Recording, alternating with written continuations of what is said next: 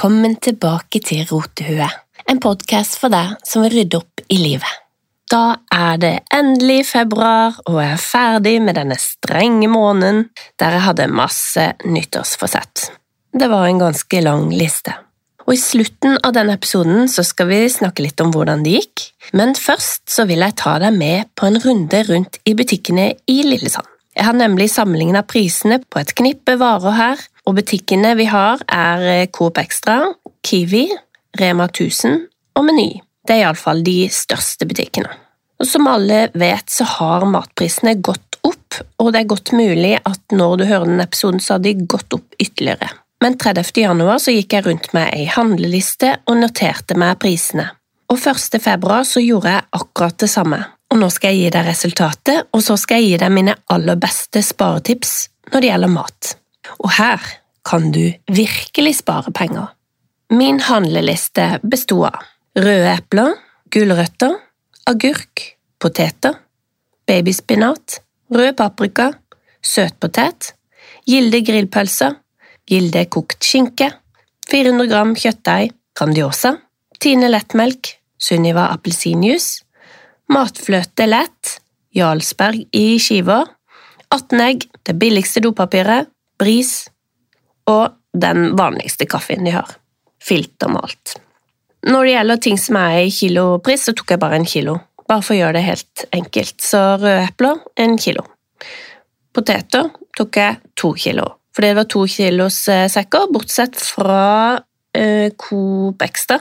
De hadde fire, eh, og da tok jeg faktisk og delte denne på to, så det var jo litt gunstig for de, da. Selvfølgelig har nok dere meninger om hva jeg burde putte i den handlelista for å få et bedre bilde, men nå var det nå de varene jeg valgte, og test gjerne butikkene i nærområdet ditt selv. Nå skal vi gå til hva disse varene kosta før februar. Nå begynner jeg i bunnen av min liste. Overraskende er det Meny som er dyrest. Men Meny tilbyr jo andre ting, eksempel de mener de har bedre kvalitet på en del ting, større utvalg og ferskvaredisk, men iallfall, min handlekorg kom til sammen på 670 kroner. Også på en bunnplassering er Coop Extra med 662 kroner. På andreplass kom Rema 1000, 616 kroner, og det var en veldig knapp seier til Kiwi på 614 kroner. Så de to på topp var veldig like, og de to på bunn var veldig like. Men nå blir det jo litt spennende, for nå gikk jeg og sjekka prisøkningen 1. februar. Mellom Meny og Kiwi så skiller det 56 kroner på denne handlelista. Hadde jeg tatt biff og kanskje laks og sånne luksusvarer, så hadde det nok vært større forskjell. Så har jo disse butikkene tilbudsaviser, og de har forskjellige tilbud. Jeg er jo glad for at Kiwi har 15% på frukt og grønt, og det har de hele tida uansett hvor mye du kjøper. Mens andre butikker har f.eks. tre for to eller to for én-tilbud, og det kan jo være bra om man trenger mer av et produkt. Men det kan jo også føre til matsvinn. Kanskje du kjøper én mer enn du trenger? Så tok jeg turen 1. februar, og da var det meldt at matvareprisene skulle gå kraftig opp, rundt 10% Nå regner jeg på akkurat samme maten i akkurat de samme butikkene. På Meny så var jo prisen først 670 kroner for den handlekorga. Nå koster samme varene 735,50. Det er en økning på rundt 90 kroner, og hvis jeg ikke har regna feil, så er vel det 14 økning. På Coop Extra så var prisen på varene 662, og etter 1. februar så var prisen 671. Det er en økning på bare 9 kroner. Nå har Meny en klar bunnplassering. Rema 1000, som var nesten like billig som Kiwi, økte fra 616 kroner til 639. Det er da 23 kroner. Og så til vinneren Kiwi. Der var prisen helt lik. 614 kroner. Og jeg tok faktisk og ringte Kiwi etterpå og sa ja, men uh, har ikke dere satt opp prisen? Og de som jobba der, de hadde egentlig ikke peiling på hva som skjedde. Det, prisendringen skjer jo digitalt. De visste ikke om de kom til å gå opp, eller om det egentlig hadde gått opp alt. De fikk ingen informasjon, og de virka litt frustrert når jeg ringte dem. Men Kiwi hadde jo meldt et prisfrys, og nå er det spennende å se om Kiwi faktisk øker prisen bare litt etter 1. februar, eller om de holder seg på samme priser. Hvis de holder seg, så er jo Kiwi en klar vinner av de fire butikkene. Så da går vi over til sparetips. Det er vanvittig mye penger å spare på mat og mathandling. Back in the days, når jeg ga faen og ikke brød meg, så brukte jeg noen måneder 7000 på mat. Forrige måned så brukte jeg under 3000, og da levde vi helt fint, og januar var en lang måned. Jeg burde kunne klart meg på mindre, faktisk, eh, men jeg levde godt, og det var jo litt fordi jeg holdt på med denne vektklubben og alt det der i tillegg, så da følte jeg måtte ha noe god og sunn mat. Men da går vi over til sparetips 1. Få oversikt over maten du har. Rydd i fryseren, og merk det som kan brukes, hva det er for eksempel, og kanskje dato, og kast det du ikke kan bruke, få det vekk. Gjør det samme med kjøleskapet, og sånn som jeg fungerer, så har jeg funnet et system nå, jeg har kjøpt meg en sånn gjennomsiktig boks, der jeg kutter opp gulrøtter, har poteter i, har grønnkål, eh, og da får jeg en oversikt på det som jeg har, og bruker hele tida. Genialt. To. Bruk tid på å planlegge en ukesmeny. Det var noe jeg tenkte på som ganske kjedelig før, og jeg er impulsiv, og jeg har bare lyst til å fòre det impulsive i meg når jeg går på butikken. Ah, hva skal jeg kjøpe nå, hva får jeg lyst på? Men du sparer ikke penger på den måten. Regn ut prisen, og beregn hvor mye penger du skal bruke på mat og middag. Bli et bevisst menneske. 3. Ikke tenk at du skal ha alt tilgjengelig i kjøleskapet hele tida. Få deala på noe du kan spise denne uka, og så kan du heller bytte neste uke. Ukas pålegg, for eksempel salami eller gulost med paprika og agurk. 4. Lag opp store gryter og porsjoner, og frys ned. Her er det mye å spare, både tid og penger. 5. Putt en serviett eller tørkepapir der du oppbevarer grønnsaker. It's a game changer. Nå putter jeg faktisk en serviett oppi de her gjennomsiktige bollene som jeg har grønnkålen i, og da holder det seg og da holder det seg kjempebra. Du observerer opp eh, fuktigheten, sånn at det er fresht hele tida.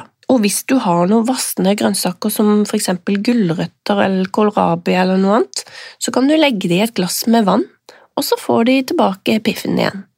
Nummer seks. Selv om noe av grønnsakene ser slappe og slitne ut, så kan du bruke de i eksempel gryteretter, supper, hummus osv.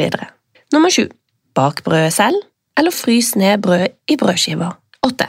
Ta alltid med deg niste og drikke når du skal ut og være borte en stund, eller når du skal på jobb eller skole. 9. Venn deg av med sukker. Det geniale med å venne seg av med sukker er når du først har gjort det, det tar ikke lang tid, kanskje et par uker, så får du ikke lyst på sukker mer, og da unngår du så mange fristelser, og du blir litt sunnere. Punkt nummer ti. Spis sunt. Kutt fristelser, altså chips og drit og lort. Det har jeg gjort i en måned nå. Det funka veldig bra, men jeg skal jo ikke kutte det for alltid, så nå skal jeg prøve å bare ha det én dag i uka, kanskje det er lørdag. Nummer 11. Frys ned eksempel eh, litt fløte eller rødvin og ting du bruker i sauser og dill og dall, og frys gjerne ned sausrester eller kraft som du kan bruke seinere. 12. I butikken. Lag en liste over hvilke basisvarer du kjøper mye av. Undersøk hvor de er billigst. 13. Lag handleliste. Jeg bruker Hey Google, og det fikk jeg til jul. Og da kan jeg si Hey Google, legg til for eksempel tomater på handlelista, og det er jo genialt, for da kommer jeg Jeg tror du vil legge til noe på listen din. Stemmer det? Nei, Google, jeg lager podkast. For å spille av en podkast, be om den etter navn. Ok, Google, stopp.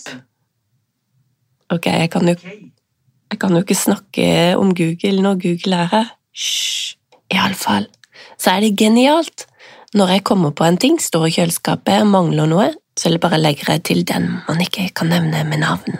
Punkt nummer 14. Følg handlelista. Det hjelper ikke å ha handleliste. Jeg har lagd handleliste mange ganger, og så har den bare ligget hjemme, i bilen eller i lomma i butikken. Jeg har ikke brukt den. 15. Handle en gang i uka om mulig, ikke flere. Altså, det er utrolig hvor mange ganger man går innom butikken bare for å sjekke om man har noen impulser.